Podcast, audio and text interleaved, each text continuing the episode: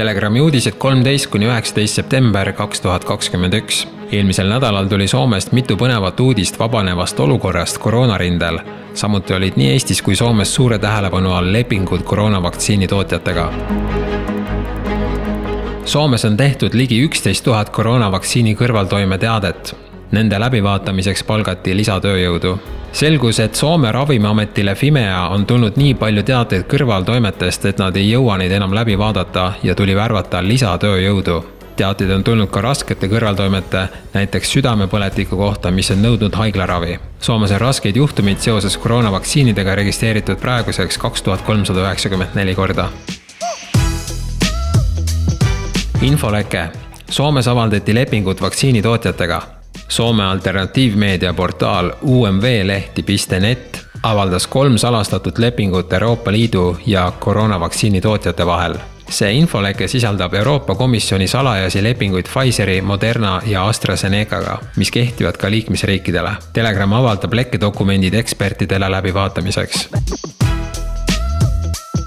sotsiaalministeerium ei anna konfidentsiaalsusele viidates välja lepinguid vaktsiinitootjatega. Eestis teatas sihtasutusele Perekonna ja Traditsiooni Kaitseks Sotsiaalministeeriumi kantsler, et kuna Eestis kasutusel olevate koroonavaktsiinide osas on tootjatega lepingud sõlminud mitte riik, vaid Euroopa Komisjon ning lepingutes on konfidentsiaalsusklauslid, ei saa riik lepinguid täielikult avalikustada. komisjoni kodulehel on avaldatud osaliselt kinni kaetud lepingud viie vaktsiinitootjaga komisjon on ka ärisaladuse argumendiga tugevalt kärbitud tekstide avaldamist esitlenud avatuse ja läbipaistvuse ilminguna. kriitikute sõnul on koroonavaktsiinid osaliselt avalikest vahenditest rahastatud ning tootjad lõikavad nende pealt liigkõrgeid kasumeid. miks peaks neid lepinguid muidu varjama? uuel aastal asendab riik viiruse tuvastamisel PCR-testi antigeenitestiga head aega, PCR-test. järgmisel aastal hakatakse PCR-testide asemel Covidisse nakatumist kindlaks tegema antigeenitestidega, et raha mitte raisata. kas söandatakse varsti tunnistada ka seda, et PCR-testid olidki üks suur raha tuulde loopimine? doktor Merkola, kellel on õigus elule? kas vaktsiinisüst on muutumas kohtusüsteemi tööriistaks? USA-s on paljud kohtunikud hakanud kasutama Covid võtteid preemia ja karistusvahendina. nii näiteks võeti ühelt emalt ära vanemlikud õigused, sest ta ei vaktsineerinud end tervislikel põhjustel koroona vastu A Cook County judge here at the Daily Center has stripped a Chicago mom of her parenting time because she's refused to get the COVID vaccination shot.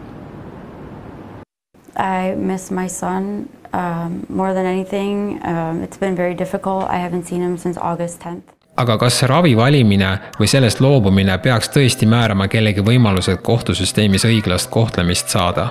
selle ema puhul küll jabur otsus tühistati, aga vaktsineerimata inimeste diskrimineerimise tendents jätkub valitsusametnike ja meedia kasutatav retoorika on selgelt mõeldud hirmu ja vaenulikkuse õhutamiseks vaktsineerimata inimeste vastu, kirjutab doktor Merkola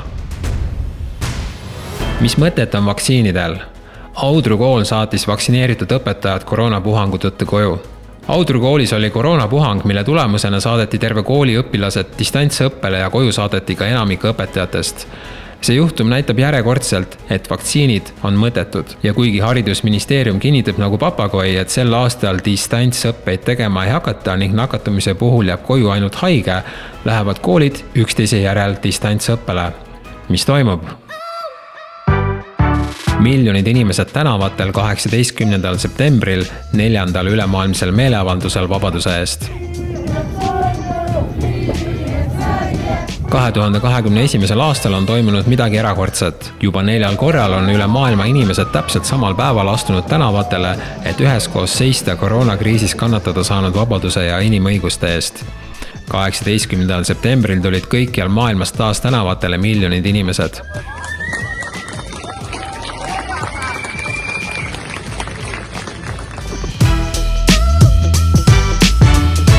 Need olid Telegrami uudised möödunud nädalast.